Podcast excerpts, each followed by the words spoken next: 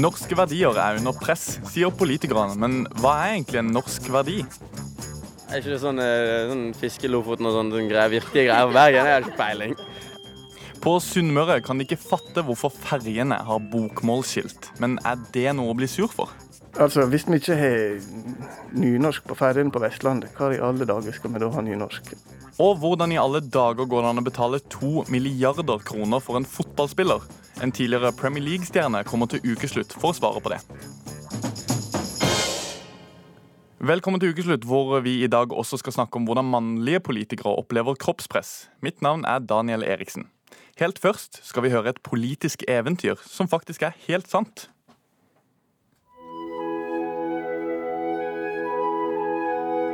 Det begynte med at kongeriket Norges kulturminister Linda Hofstad Helleland var på pilegrimsvandring og ville besøke Senterpartiets Ola Borten Moe på gården hans i Trondheim. Der gikk de sammen i forsvar for de norske verdiene, som er under press. Men hva er nå de? Ola Borten Moe snakket om førstegangstjeneste og barne-TV. Jeg er så forkjøla. Men hva er norske verdier for folk flest? Er norske verdier viktig for deg? Ja. Hva er norske verdier? Jeg vet ikke. Ja, det er vanskelig spørsmål. Er ikke det sånn, eh, sånn fiske og sånn, sånn greier, virkelige greier på Bergen? Jeg har ikke peiling. Det er Marius-genser og 17. mai og eh, sånne ting. Olje, gass og naturen. Jeg er veldig fan av sånn eh, Nå går vi i fjellet, og eh, vi skal på toppen og eh, og hvis du, hvis du går i sju timer, så kanskje du får en halv Kvikk Lunsj av bestemor.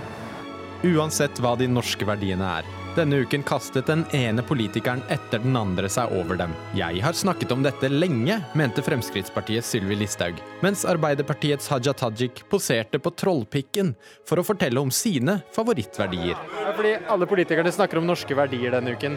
Og at de Vet du hva, dem har jeg slutta å høre på. Luremuser hele gjengen.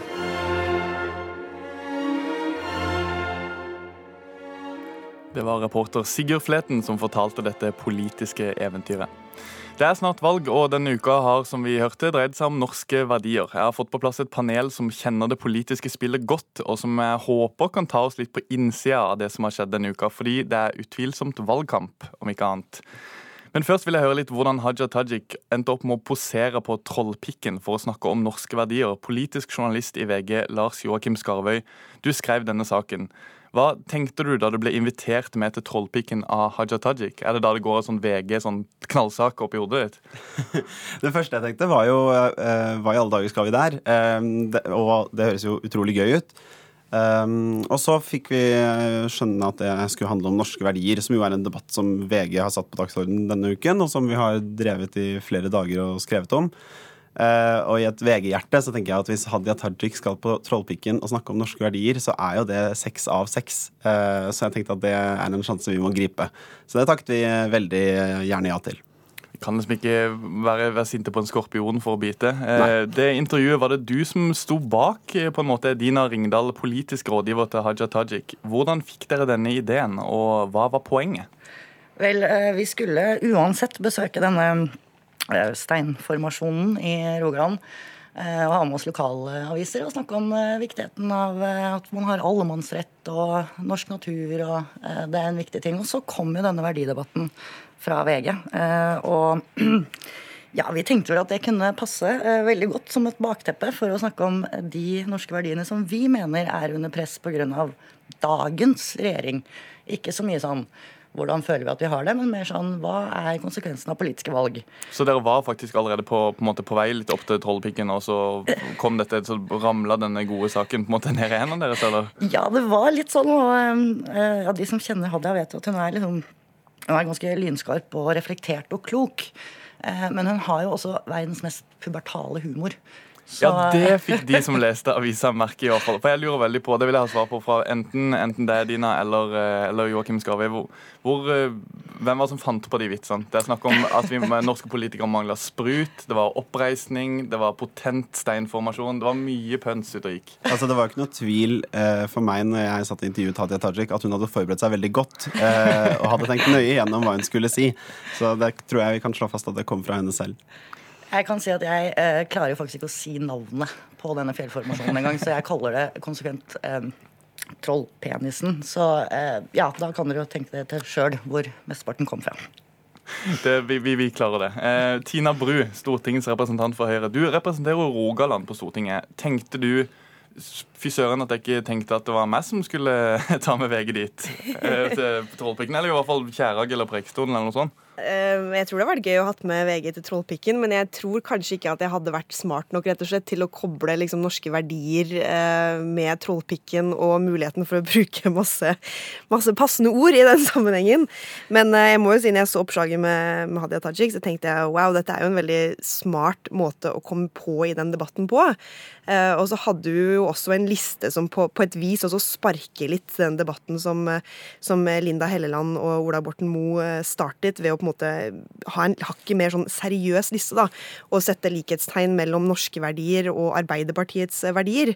Men, eh, men jeg tror kanskje at eh, det oppslaget der tror jeg hadde vært bedre om hun bare hadde Hvis hun bare hadde sittet på, på Trollpikken, for å si det sånn, og sagt alt det hun sa, men ikke brukt de ordene som sprut og uttømmende og alt det der. Fordi for meg så tippet det på en måte litt over, og så ble det rett og slett bare litt sånn Det ble harry, da. Ja, men jeg kommer med en fun fact. Vi skjønte faktisk ikke at uttømmende var en det ble, Vi så det når vi så en kommentar i Dagbladet. som var sånn uttømmende. Vi brukte, Å jo, det gjorde vi. Men Det sitter, det sitter en skarp, det sitter en skarp VG-journalist her som jeg føler kanskje skjønte det. Eller? Ja, jeg skjønte det med en gang. Og det var ganske, vi hadde en god runde med latter der oppe også i det øyeblikket det sitatet kom. Så eh, det er vel ikke helt riktig gjengitt. Men det var, eh, det var eh, Jeg tenker at det var en god anledning for Hadia til å profilere seg. eh, Og en god anledning for meg til å komme opp på Trollpikken og til å skrive en kul sak som folk har lyst til å lese og engasjere seg i. Ja, for det leseren leserne dine lurer på. Tror du leserne dine tenker dette er politisk spill, når det på en måte Noen vil i hvert fall si at det er såpass gjennomsiktig. Når man ser politikere gå i sommerklær og sitter på steinformasjoner osv. Tror du leserne ser igjennom det? Eh, Jeg håper jo leserne ser at dette er et, eh, et valgkamputspill, og at det er en del av en valgkamp. Eh, Og det er jo ikke noe nytt for VGs lesere i hvert fall, at norske politikere stiller opp og byr på seg selv. Så jeg tror våre lesere skjønner tegninga, for å si det sånn. Jeg vil gjerne spørre deg, Tina Bru, du er blitt noe klokere denne uka på hva norske verdier var. Du var litt forvirra da vi pratet med deg i begynnelsen av uka. Nei, jeg kan egentlig ikke si at jeg har blitt eh, klokere på det. Altså, jeg jeg også det innslaget dere har eh, før vi startet debatten, nå, så er et godt eksempel på det. Du spør folk hva er en norsk verdi, og så vil du få alt fra nei, det er å gå i fjellet, det er å elske langrenn, eller eh, synge allsang, eller det kan være menneskerettigheter, ytringsfrihet, altså de litt mer seriøse verdiene. Men jeg tror det er veldig individuelt. Og hvem er vi liksom til å lage en liste egentlig over hva er en norsk verdi?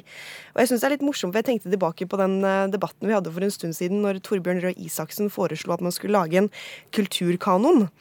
Eh, altså samle de viktigste verkene i norsk kultur, lage en slags liste over det. Det forslaget møtte jo ganske mange reaksjoner. ja, det ble jo slått helt ned, for det var helt umulig å lage en sånn type liste. Det kom man aldri til å bli enige om, og hvem kunne egentlig si hva som var viktigst, osv., osv. Men å liksom lage en liste over eh, andre norske verdier eller fenomen, det skal liksom være selvsagt enkelt å gjøre. Nei, det går jo rett og slett ikke. Edina Ringdal, det var jo nettopp det, det Haja Tajik presenterte da hun satt på, på Trollpenisen. Eh, En liste.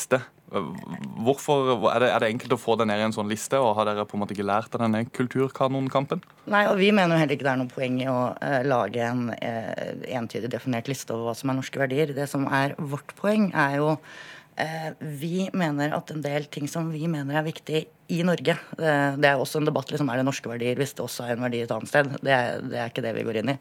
Men vi har sagt at det er noen ting som er veldig bra med Norge, som vi har lyst til å ta vare på, som vi har lyst til å forsterke. Og de mener vi at er under press nå. Eh, Og siden det er valgkamp, så må vi også si hvorfor de er under press, og Men- hva vi ville gjort annerledes. Er Så dette er, som, som vi var inne på, det er ikke en uttømmende liste. Men ser man ikke at det på en måte da egentlig ødelegger litt det som kan være et viktig budskap, ved å på en måte fordumme det til det nivået som var i VG-saken? da? Det er på en måte kanskje min kritikk. Jeg syns det er helt legitim debatt å ha, og sånn, men, men man, man latterliggjør det jo på et vis når man, når man sauser det sammen på den måten der. Og så er det en del av meg som tenker at hvis Arbeiderpartiet liksom lå på 35% på målingene nå, så ville aldri Hadia Tajik sittet på Trollpikken med et norsk flagg og snakket om norske verdier. Da ville det på en måte vært i en mer seriøs innpakning. Det vil jeg gjerne spørre deg om, eh, Lars Joakim Skava. Er det sånn, er det sånn dere tenker litt òg? At, at nå, nå har Ap såpass lav oppslutning at denne, denne sjansen får vi én gang. Vi tar første taxi til Trollpiggen.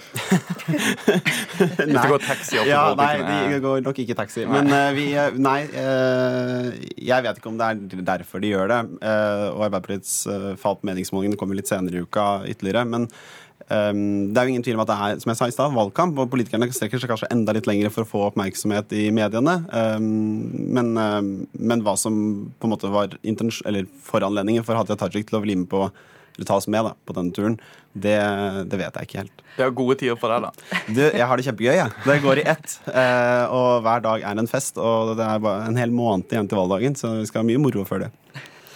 Vi må eh, begynne å avslutte snart, men jeg må få en verdi fra hver av dere. Så eh, vi, la, kan vi, har, vi har lyst til å begynne du, Lars Joakim. Jeg vil ha en norsk verdi. Den viktigste norske verdien for deg. Ja, altså, jeg kan si For meg som journalist så må jeg si at jeg setter utrolig stor pris på at det er liten avstand mellom uh, politikerne og journalister. At de stiller opp, at de byr på seg selv og tør å stå i, uh, i mediestormer og intervjuer og er tilgjengelige. Det er en veldig, veldig god verdi. Edina Ringdal, politisk rådgiver til Haja Tajik. En norsk verdi som er veldig viktig? Eh, for meg personlig så må jeg si at eh, det med små forskjeller, at vi har et samfunn hvor eh, det er små forskjeller, har vært viktig for meg. Og spesielt det at man faktisk kan gå på universitetet selv om man uten å måtte betale for det. Det har vært viktig for meg. Tina Bru? Siden denne debatten er litt blanding av eh, verdier og eh, kulturfenomener, så vil jeg jo si at verdi, på verdisiden så er det ytringsfriheten som jeg mener er den viktigste norske verdien.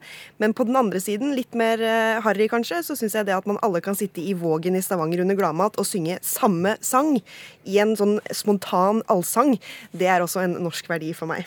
Kan du ta et par linjer fra Tore Tang før vi avslutter, eller? Ja, skal jeg lures ut på nå? Eh, det er ikke helt Trollpikken, men OK. Valg, det er jo valg snart. Må du by på deg selv, Tina. Ja, men jeg på meg selv. Lars Joakim Skarve, politisk reporter i VG, takk for at du kunne komme. Sammen til deg, Edina Ringdal, politisk rådgiver for Haja Tajik, og Tina Bru, stortingsrepresentant for Høyre. Fordi vi har også fått eh, besøk av noen som har laget en slik liste dog på humor. For debatten om norske verdier har også vist seg å være populær blant humorfolk som deg, Torgeir Aanes. Du har skrevet en sak på deres hjemmeside Nyhetene, der du har laga en sånn liksom-liste over Høyres eh, norske verdier som har blitt flittig delt i sosiale medier. Vi skal ta et par av de. Eh, det står bl.a. på lista at en norsk verdi er å ikke tisse på syv timer for å slippe å gå på offentlig toalett. Eh, fylle nytt vann på vannkokeren fordi du er redd for å drikke gammelt vann. Den er veldig god. Eh, eventuelt å vurdere å bli interessert i fluefiske. Hva, hva er det med dette som, som, gjør det så enkel satire for deg? Det som gjør det enkelt eh, Jeg vet ikke om det er så enkelt, men eh, det er, det er i hvert fall veldig morsomt. Mm. Jeg tror det er noe med Det tok utgangspunkt i den saken med Linda Helleland og Ola Borten Moe, først og fremst. Der de kommer med en del norske verdier som er litt sånn triviell, kanskje, som eh, førstegangstjenesten og KRLE-faget og svømmeundervisning osv. Eh, personlig, da, som militærnektende humanist med vannskrekk, så er jo det veldig vanskelig å forholde seg til. Eh, så vi tenkte at vi skulle lage en liste som ga litt mer mening for oss. Så mange av dem her er jo ting som jeg kan identifisere meg med sjøl, og jeg tenker jo at det er jo like norsk, det. Er du sånn type som eh, når du skal kjøpe jordbær i butikken, så tar du de beste jordbærene fra andre korver og legger opp i din egen? Eh, akkurat den var ikke min, det var en kollega av meg. Eh, jeg har for stor respekt for butikkpersonalet til at jeg gjør sånt. Men denne perioden rett før valget, er det veldig enkelt? Er det, er det enklere for dere å lage politisk satire enn det er ellers å gjøre? Ja, jeg tror nok det at det har noe å gjøre med at utspillene blir spissere og spissere etter hvert som det nærmer seg valg. Eh, eller du kan jo også si at de blir dummere og dummere. Eh, og nyhetssakene nærmer seg jo på en måte satiren mer og mer. Sånn at eh, det blir veldig enkelt å ta en sak og vri litt på den. For de er jo egentlig ganske morsomme i utgangspunktet, og det skal jo selvfølgelig journalistene i ordentlige medier ha all æren for. det. nå som dere har jobba med denne saken hele uka, har du kanskje fått tenkt litt gjennom det sjøl? Har du en norsk verdi å dele med oss, en, en seriøs en? Ja, um, helt seriøst uh, så vil jeg egentlig slå et slag for uh, den norske naturen. Um, den er jo faktisk en uh, håndgripelig og ordentlig verdi som vi, kan, som vi kan se rundt oss, og som vi faktisk har mulighet til å ta vare på, og som er under press på ordentlig. Tusen takk for at du kunne komme, Torgeir Aanes. Prinsen av Danmark, altså mannen til dronning Margrethe, er lei av sin tilværelse som prins. Han vil bli konge. Dette høres kanskje litt spesielt ut, men prins Henrik har uttalt dette offentlig ved flere anledninger siden begynnelsen på 2000-tallet. Og nå har han bestemt seg for å sette hardt mot hardt. Det danske kongehuset sendte torsdag ut pressemelding om at prinsen ikke vil gravlegges ved siden av sin kone, dronning Margrethe av Danmark, når den tid kommer. Dette var nok et sjokk for eh, mange dansker og nordmenn. Kasper Krog, du er innenlandsredaktør for avisen Berlingske Tidene. Hvordan har reaksjonene fra det danske folk vært? Der har vært en, en enorm oppmerksomhet omkring det her. Vi har kunnet se på vores, øh, vores hjemmeside, det har været den, den suverænt mest øh, læste og, og omdiskuterede historie denne her uge. Reaktionerne har, har først været forbløffelse. Øhm, det her er et brud med en århundredelang tradition for, at regentparerne i Danmark bliver stedt til hvile i Domkirken i Roskilde sammen. Øh, man har forberedt igennem flere år en, en sarkofag. Bjørn Nørgaard, en meget anerkendt dansk billedkunstner, har arbeidet på, på en, en, en dobbelt sarkofag, hvor øh, dronning Margrethe og prins Henrik skulle ligge sammen. Øh, den, det arbejde har kostet omkring øh, 30 millioner danske kroner. Og så kommer den her melding øh, ud af det blå om, at øh, prins Henrik altså ikke vil ligge i, sammen med sin kone. Øh, så, så reaktionen var først forbløffelse. Øh, det har jo vært en kendt sag, øh, som, som du også sier i ditt opplegg, at, at, at, at, prinsen har vært utilfreds med sin rolle i det danske kongehus. Men hvorfor, hvorfor, er prins Henrik så bestemt på å bli tiltalt som konge? For det er vel bare en tittel uten noe reell makt? Ja, men det, det, der betyr noe for ham, er, er det, at han ikke er ligestillet med sin kone. Uh, han, man skal måske tenke på, at han kommer fra, fra Frankrig, ut av en, en familie der, øh, øh, hvor, øh, og fra et land, hvor, hvor titler hvor, hvor, øh, hvor hierarki betyder en, en, en masse. Han har været, sagt, at han vil, ville være ligestillet med sin kone. Han har ikke forstået for eksempel, hvorfor da han kom til Danmark, at han i mange år skulle øh, leve, øh, ikke havde sit eget budget i vores kongehus, men skulle leve av penge, han fikk via sin kones budget. Ja, er det noen i det hele tatt i Danmark som støtter prinsen? Dette er jo interessant i et likestillingsperspektiv. Der er noen, ja. Øh, det er ikke flertal, det, det er nok minoritet, men der er noen der sier at jamen, manden har en pointe omkring ligestilling. Danmark vil gerne være et, et foregangsland innenfor ligestilling. Øh, vi synes selv vi har vært det, er det på, på, på, på, på noen områder. Og øh, hvorfor skal man så ikke også øh, følge den kamp for ligestilling i kongehuset?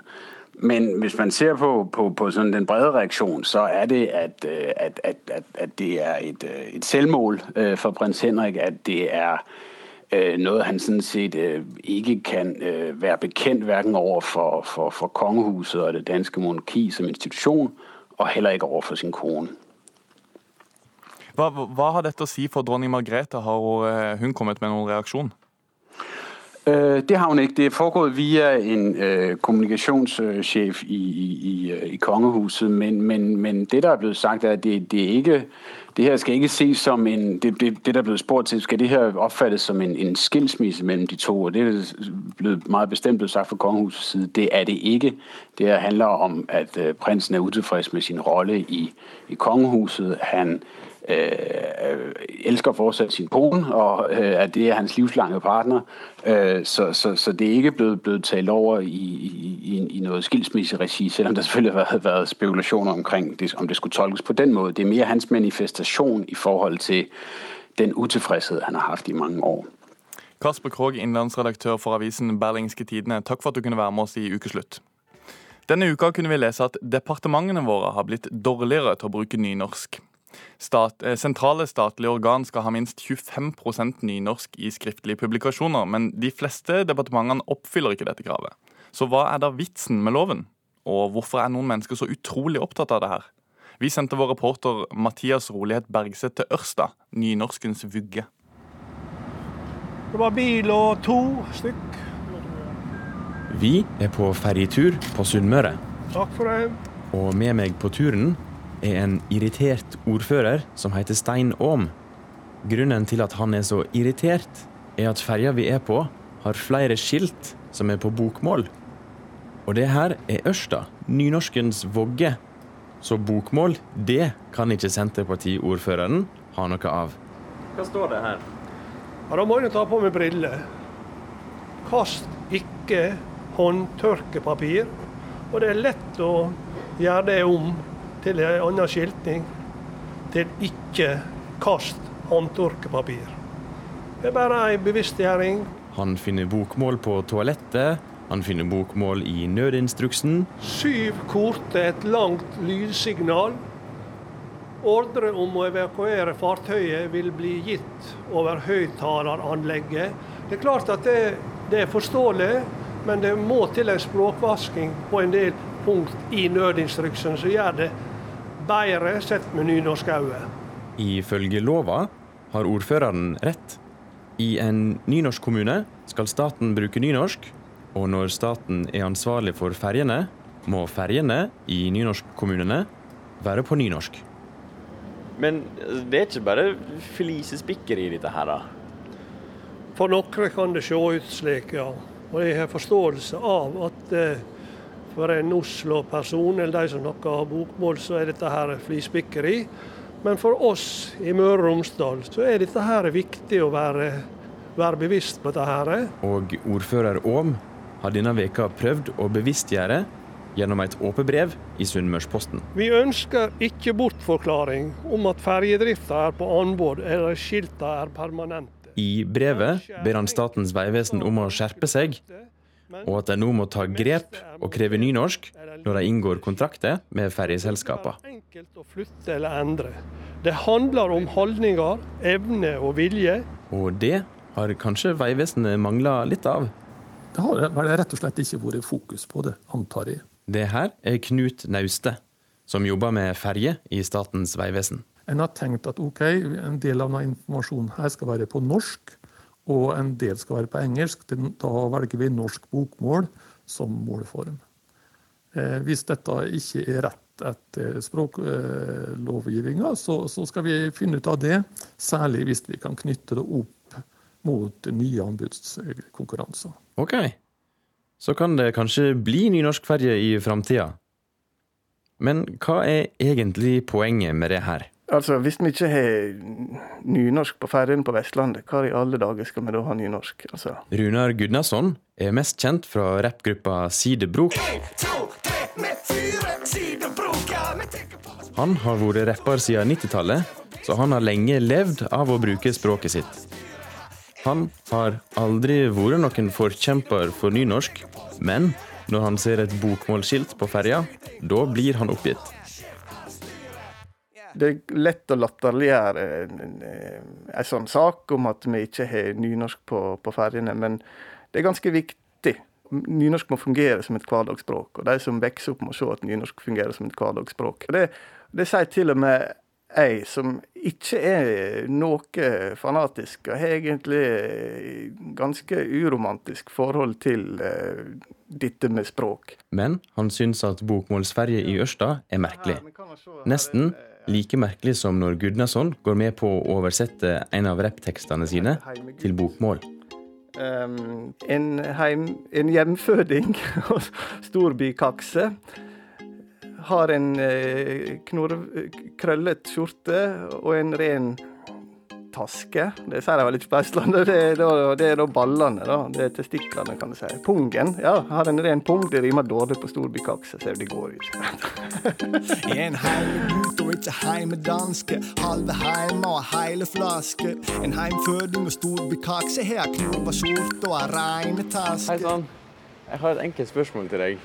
Ja. Som i de fleste bygder er det på kjøpesenteret en finner folk flest. Har du tenkt over at eh, det er bokmålskilt på ferjene rundt omkring her? Ja, jeg vet, jeg er klar over det. Ja. Jeg, det bør ikke være det på, i et nynorsk fylke. Hva er egentlig problemet med, med bokmålskilt på ferjene? Nei, det, Hvis det er en kommune som er nynorsk, så må det være nynorsk eh, informasjonsskilt. Og inne på kjøpesenteret finner jeg ut at ordføreren ikke har hele kommunen i ryggen. Har ikke han viktigere ting å gjøre enn det? Basta bom. For all del, kjemp nå for viktigere ting enn dette. Det er det jeg mener. Denne krigen, nynorsk bokmål. Hallo. Eh, kjemp for det som er å kjempe for. Så får skilt være skilt. Er det en så stor sak at, at, at ferjeselskap må bruke penger på, på å bytte ut skilt og sånne ting? Ja, For meg og for Ørsta kommune og oss i regionen er en sånn sak viktig. Og verre kan ikke det være at her skal det være skilting på nynorsk. Så Statens vegvesen er kanskje på glid, men malplassert bokmål, slik som det du hører nå, er fortsatt noe folk må finne seg i. Enn så lenge. Ved landkjøring ber vi dere følge signal fra mannskapet. Det er de vant til. Ordføreren i Os opplever drapstrusler etter at kommunen bestemte seg for å ta livet av svanen havnesjefen. Hun kommer til ukeslutt for å svare på hvorfor dette ble sommerens store agurksak. Og Frp-politiker Bård Hoksrud sier han blir litt trist når han får negative meldinger om kroppen sin. Jeg tror det blir feil å si at nei, dette er jeg politiker, så det, det biter jeg meg ikke merke. Det tror jeg alle gjør at, at vi blir vi, vi tar det litt til oss. Men litt først må vi snakke mer om verdier. For det her i Norge har det vært mye prat om eh, norske verdier denne uka. Det har også vært eh, vinkelen i det internasjonale fotballmiljøet, men med litt annet fortegn. Brasilianske Neymar, en av eh, verdens aller beste fotballspillere, bytter klubb fra Barcelona til Paris Saint-Germain, noe franskmennene må betale over to milliarder kroner for. Neymar blir med det tidenes dyreste fotballspiller og slår rekorden med en milliard. Erik Thorsvedt, du er en av veldig få norske fotballspillere som har beveget seg på dette nivået, annet da du var keeper på Tottenham. Husker du hvor mye du ble solgt for da du gikk til Tottenham? Jeg kosta 460 000 pund. Eh, det var overpris, soleklart. Tottenham ble lurt, altså. Så ca. like mye som liksom, lillefingernegler til Neymar? da? Ja, det kan du si. Omtrent det lå det. Hva, hva, tenker du når du ser at Neymar blir solgt for to milliarder kroner? Du kjenner også til Neymar vel godt? Ja, Det er jo noe som på en måte snur opp ned på hele bildet. Når du ganger rekorden med to, ikke tar eh, noen små mellomsteg, men rett og slett bare dobler hele greia, så så, så, snur det opp ned på ting og kommer til å ha en, eh, en, effekt på resten av markedet. Kan du forvente å se at eh, prisene på andre spillere òg spretter i været. Men dette er jo en litt rar greie, for at eh, Paris Saint-Germain er jo eid av har jo eiere fra Qatar. Altså, De er basically eid av et land. Og de har jo så mye penger at de ikke trenger ikke prøve å regne dette hjem. Tenke at ja, men han er verdt så og så mye, vi kommer til å selge mer billetter få mer sponsorinntekter. De har bare rett og slett ekstremt mye kroner. Det kunne bare... de betalt tre milliarder liksom uten at Det kunne de gjort, men han hadde en utkjøpsklausul som var satt på ca. 2 milliarder. Og når du spiller for Barcelona, som er den store drømmen for de fleste fotballspillere, å spille for Barcelona, og i tillegg koster 2 milliarder, så regner alle med at det er, det er, uaktuelt. Det kommer ikke til å skje. Så på en eller annen måte så har de likevel greid å få Neymar til å si at OK, fair enough, jeg vil gå hvis dere legger de pengene på bordet. Noen spekulerer i at han vil ut av Messis skygge, mm. at han er kjempegod, men kan likevel aldri eh, toppe Messi. Så hva som egentlig ligger bak, om det er økonomiske ting eller sportslige ting, er vanskelig til å si. Men det er sjokk, et kjempesjokk i eh, fotballverden og kommer til å ha eh, mange ringer i vannet rundt seg eh, etter den overgangen. Ja, for inntil, nylig, inntil ganske nylig så var rekorden eh, på rundt 1 milliard for Paul Pogba. Og, og før den tid så har på en måte, den har, det har steget ganske gradvis. Ronaldo ble solgt for 700 millioner, var det vel, fra United til Real Madrid. Og så steget gradvis. Hvorfor er det nå et sånt kjempehopp opp til 2 milliarder? Er det pga. denne utkjøpsklausulen? Det er pga. utkjøpsklausulen som ingen Forklar hva det betyr. Det, det, betyr at det er satt en, en sum i kontrakten til Neymar som sier at hvis noen skal kjøpe deg, så koster det dette. Og, og, den som sagt er satt så høyt at det, det, skal bare avskrekke. Det har bare en mm. avskrekkende effekt. Det er uaktuelt. Og Så kommer det noen altså, sier at ok, men vi betaler det. Og da har Barcelona absolutt ingenting de skulle ha sagt. Da må de bare akseptere det. Tror du de er fornøyd med det? To milliarder kroner er mye penger. Et, Bas, ja, men nå må de ut og kjøpe en erstatning. Og nå vet alle at Barcelona har to milliarder kroner. Og det er klart, Da blir de, målene deres, altså eh, spillerne som de nå skal hente, blir også automatisk mye dyrere. På samme måte som når en engelsk Premier League-klubb skal kjøpe en spiller fra kontinentet, så koster det 100 millioner kroner ekstra fordi det er Premier League, og de tjener seg ekstremt mye på TV-avtaler. Og det vet alle klubbene på kontinentet. Men det her er en 25 år gammel fyr fra Brasil. Hva, hva gjør det med deg sjøl når man har Du hadde 460 000 eh, som pund, som var, som var din pris. Kanskje spørre hva, hva det gjorde med deg, og så kan vi bare oppskalere det til to milliarder? Jeg tror de fleste fotballspillere er såpass tøffe i nøtta at de ikke bryr seg. Og det gjelder i hvert fall Neymar. Når han gikk fra Santos til Barcelona, så kom det jo fram ting i etterkant. Og da var overgangssummen eh, merkelig lav. Alle stussa litt. Hm, Kosta han ikke mer enn det? Og så viser det seg senere at det var en masse lureri, skattemessige ting eh, involvert, som gjorde at presidenten i Barcelona den gang, han sitter nå i fengsel. Av den overgangen. Og alt det styret har jo òg vært med å herde eh, Neymar. Veldig mange av disse spillerne faktisk i Spania har nå røket på skattesaker pga. tvilsomme ting når det gjelder overgangene. Og jeg tror at han først og fremst har eh, han, han liker å ha mye penger på konto, men han har fokus på, på fotballen. Og det kommer han til å fortsette eh, til å ha. og jeg tror ikke at eh, som i dette tilfellet her kommer til å påvirke noen ting som helst. Så, så Paris Saint-Germain vinner fordi de har gjort et uh, godt kjøp. Neymar vinner, han får fortsette å spille fotball og tjener helt ekstremt mye penger. Qatar vinner, for det er de som egentlig tar æren for at uh, han har kommet til den klubben. Er det Barcelona da som sitter igjen som taperen? Barcelona har gått på et uh, gedigent uh, prestisjenederlag ved at de har en spiller, en fantastisk fotballspiller som sier at ja, jeg velger å spille for en annen klubb enn en Barcelona. Ehm, så det er jo et, selvfølgelig et, et, et nederlag for dem. Og så er det òg en, en, annen ting, for det er en regel som heter financial fair play. Og Det at det er en regel som er satt for at det, det skal være en balanse mellom hvor mye et fotballag får inn, og det det gir ut. Betaler de to milliarder for en spiller, så skal de vise at ja, men vi har penger som kommer inn, som samsvarer med det.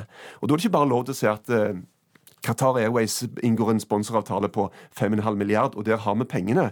Du skal kunne vise til at det er en fornuftig sponsoravtale, som det er på en måte eh, forretningsmessige ting som ligger bak, som, går, som virker logisk. Så de må forklare hvordan har de tenkt å vise at vi får inn to milliarder eh, kroner nå de neste åra for å betale for Neymar. Og Der har de en kjempeutfordring, og mange tror at eh, til syvende og sist så kan kanskje den regelen der til og med fortsatt være med å stanse overgangen. Han har ikke fått eh, klarering til å spille nå denne helga. Og eh, kanskje ikke siste ord sagt. Det blir spennende å følge den saken videre. Takk for at du kunne være med oss, Erik Thorsvedt, eh, tidligere Tottenham-proff og fotballekspert. Jeg syns det er litt spesielt og jeg synes det er litt sånn simpelt å skulle sitte i Dagsnytt 18 i studio og diskutere statsministerens kropp. Det dere gjør, er å trampe på kvinner som har en stor kropp. Det du vi sikter til med jo, det, Nei, aldeles ikke. Jeg sier at man går ikke på menneskers kropp. Med, og her er det stor forskjell på menn og kvinner. Erna Solberg er stor, vil se stor ut på bilder. Hun poserer trygg og stor og sterk på de bildene. Og så kommer altså en mann og snakker om at det er skamfullt. Det er jo han som driver med kroppsfokusering og med, eh, med bodyshaming. Nå er du ikke ærlig på hvordan det er å være stor i vårt samfunn, som er så fokusert på kropp.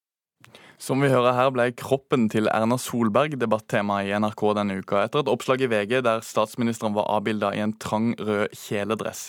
Ifølge Hans Rustad på dokument.no var dette ren og skjær mobbing av Solberg, mens eh, VGs Hanne Skartveit avfeide kritikken og mente det var Rustad som hadde dårlig kvinnesyn.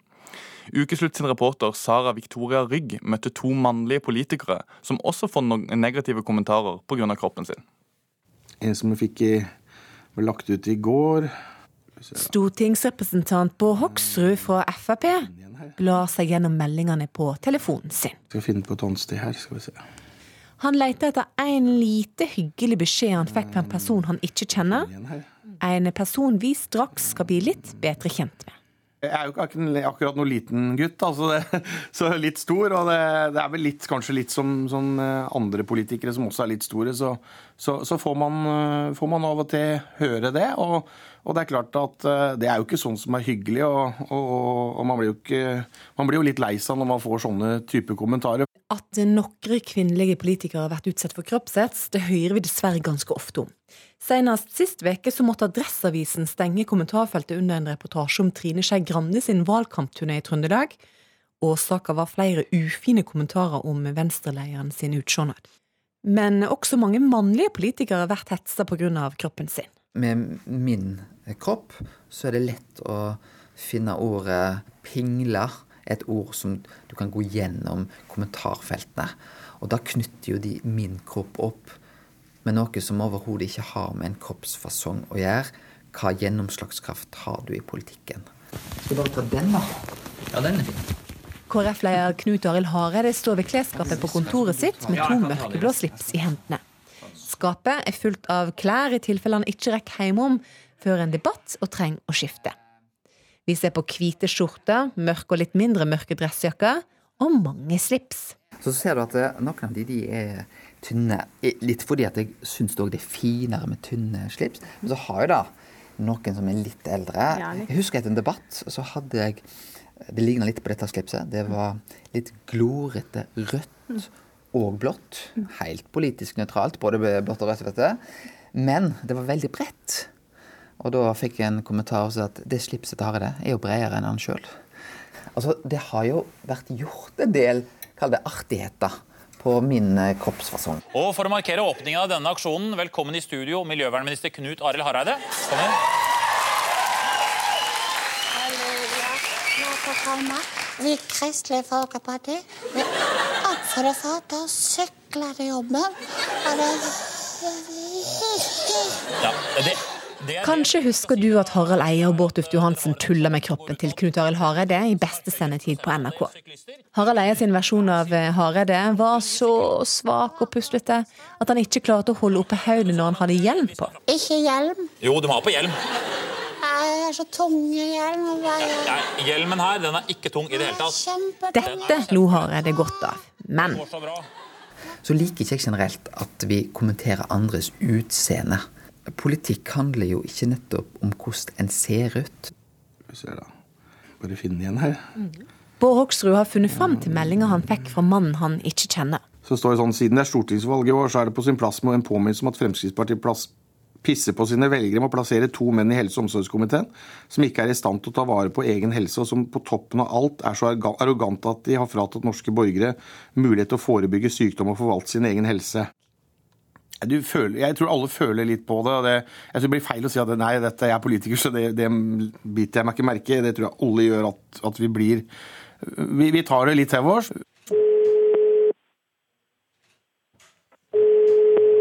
Hei. Hei, det er Sara Victoria Rygg fra NRK Ukeslutt som ringer. Hei. Du, hvorfor sendte du den meldinga til Bård Hoksrud? Det var fordi at jeg var opprørt over et uh, vedtak som uh, de tok initiativ til i helse- og omsorgskomiteen. Og det var mot å forby privatimport av kosttilskudd. Så da ble, du, da ble du irritert og sinna. Men, men hvorfor kommenterte du kroppen hans i den meldinga? Jeg har ingen intensjon om å såre noen i hele tatt med det jeg gjør. Jeg har kun gode intensjoner. Men han er i opplagt dårlig form, og da syns jeg han skal gjøre seg til herre over andre menneskers valg av uh, løsninger innenfor helse. Tenkte du at han kanskje kunne bli lei seg av en eh, sånn melding? Eh, men altså, han har selv satt seg i denne posisjonen. Han er en offentlig person, han har gått til valg. Og han har også tatt initiativ til noe som jeg syns er veldig alvorlig, å frata andre mennesker retten til å forvalte sin egen helse. Og da syns jeg han må tåle det. Men, men, han er en offentlig person og har sagt seg villig til å, å være mm, politiker og diskutere politiske saker, men han vil kanskje ikke ha kommentarer på kroppen sin? Det var ikke meningen å være stygg, men eh, altså, det gir et ekstra poeng, syns jeg. Når du ikke er i stand til å, å kunne eh, forvalte din egen kropp, og du skal bestemme over andres rett til det. Hva, hva vil du si til de som eventuelt sitter og tenker sånn ja, Jeg sender av gårde en liten melding, og jeg skriver akkurat det jeg vil. Slutt å hetse hverandre. La oss heller diskutere politikk og, og politiske sakene, og så lar vi det andre være. Det ville vært veldig bra. Det er bra for alle. Reporter her var Sara Victoria Rygg. Denne sommerens store agurknyhet har fått sin ende. På fredag så gikk den såkalte havnesjefen til åtak på ei lita jente. I ettermiddag tok kommunen avgjørelsen. Sju års regjeringstid for havnesjefen er over. Vi syns dette er helt forkastelig, rett og slett. Han skal ikke avlives. Dette gjelder en vill fugl. Jeg syns han, har, eh, han har dratt det litt langt nå. Norsk ornitologisk forening reagerer sterkt på vedtaket. Og hvilke ordførere er en dyremishandler og stiller hun seg stilltiende til det? I går fortalte to tenåringsjenter at Svan gikk til angrep mens de satt i en båt. Havnesjefen ble avlivet i natt. Hvis han blir slått i hjel, så er det sånne ting som de gjorde på gården i middelalderen. Kjørt bort og gitt et uh, slag over nakken, så han skjønte ikke hva som traff ham. Han skjønte ikke hva som traff han, men skjønte du hva som traff deg? Fungerende ordfører eh, i Os, Laila Reiertsen. Var dere forberedt på så mye oppmerksomhet? Altså, vi var forberedt på at det kom til å bli en del, men kanskje ikke fullt så mye som det ble. Det fant. Hvordan har denne uken her vært for deg? Nei, Det har jo vært veldig hektisk, da, spesielt dagen etterpå. Da, da var det jo, eh, holdt det jo det gående i flere timer til langt på kveld. Så har det jo dabba heldigvis av veldig mye, så, så, og det er jeg veldig glad for. At eh, man har liksom fått ja, sagt det man mener og fått det ut. Så Jeg håper vi kan gå inn i litt roligere uker.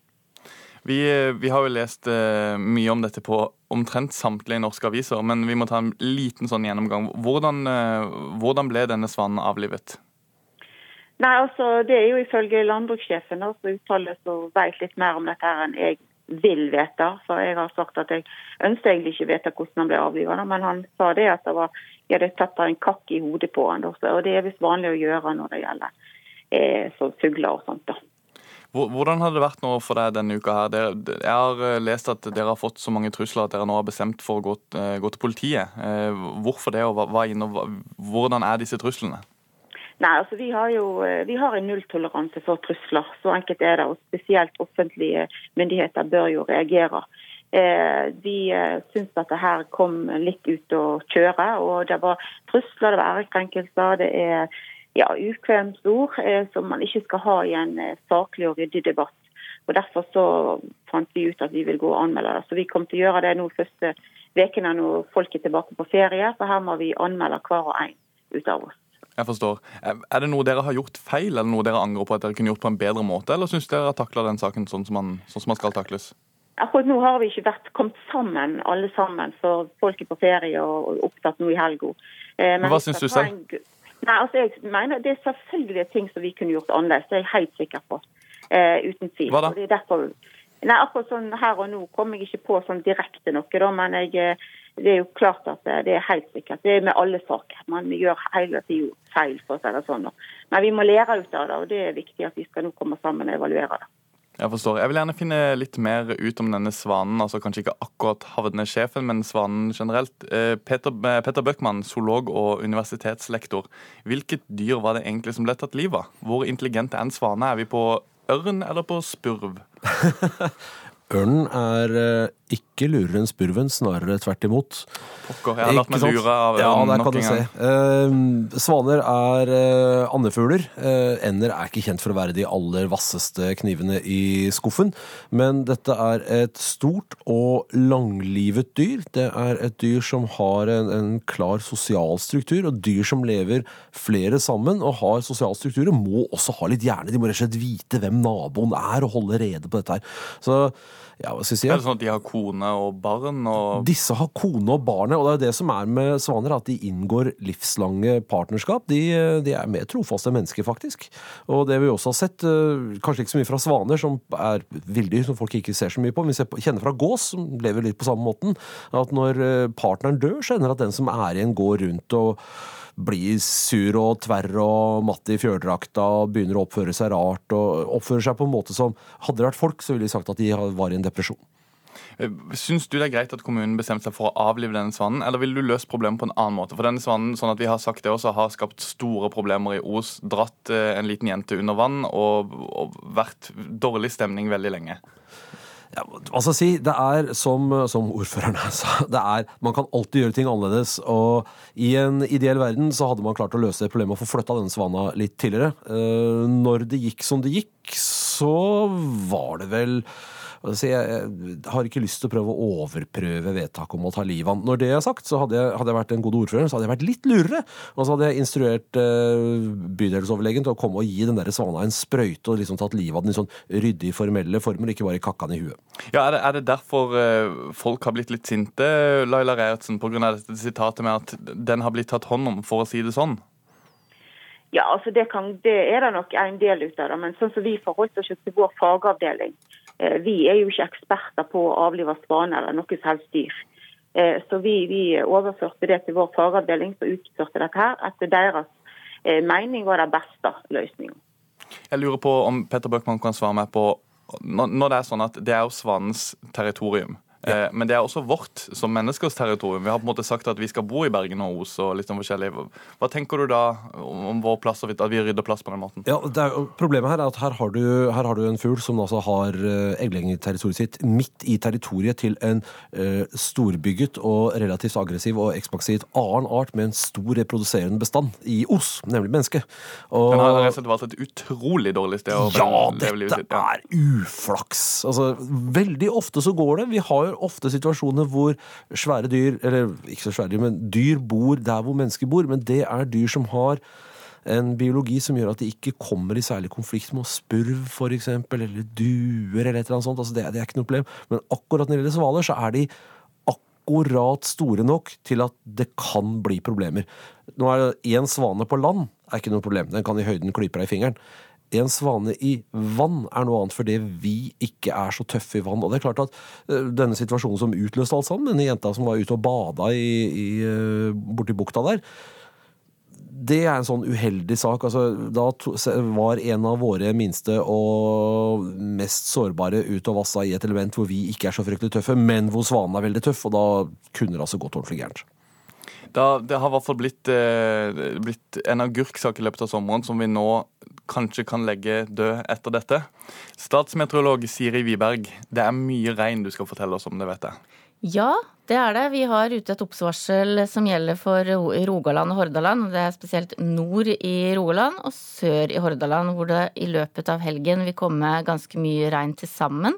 Kanskje over 100 millimeter der hvor det kommer mest. Men eh, det er lokalt, sånn at vi vet ikke akkurat helt hvor det treffer. Men eh, de må nok belage seg på mye regn. Men vi kan jo ta hele landet og starter da i Sør-Norge, og det er vind fra en i Trøndelag blir det nordøstlig opp i frisk eh, bris, og ellers eh, stort sett vestavind med opp i kuling på kysten i sør. Kan hende stiv kuling eh, lengst i sør. Og det er jo regn og regnbyger da, som preger landsdelen, og lokalt mye nedbør i Hordaland og Rogaland.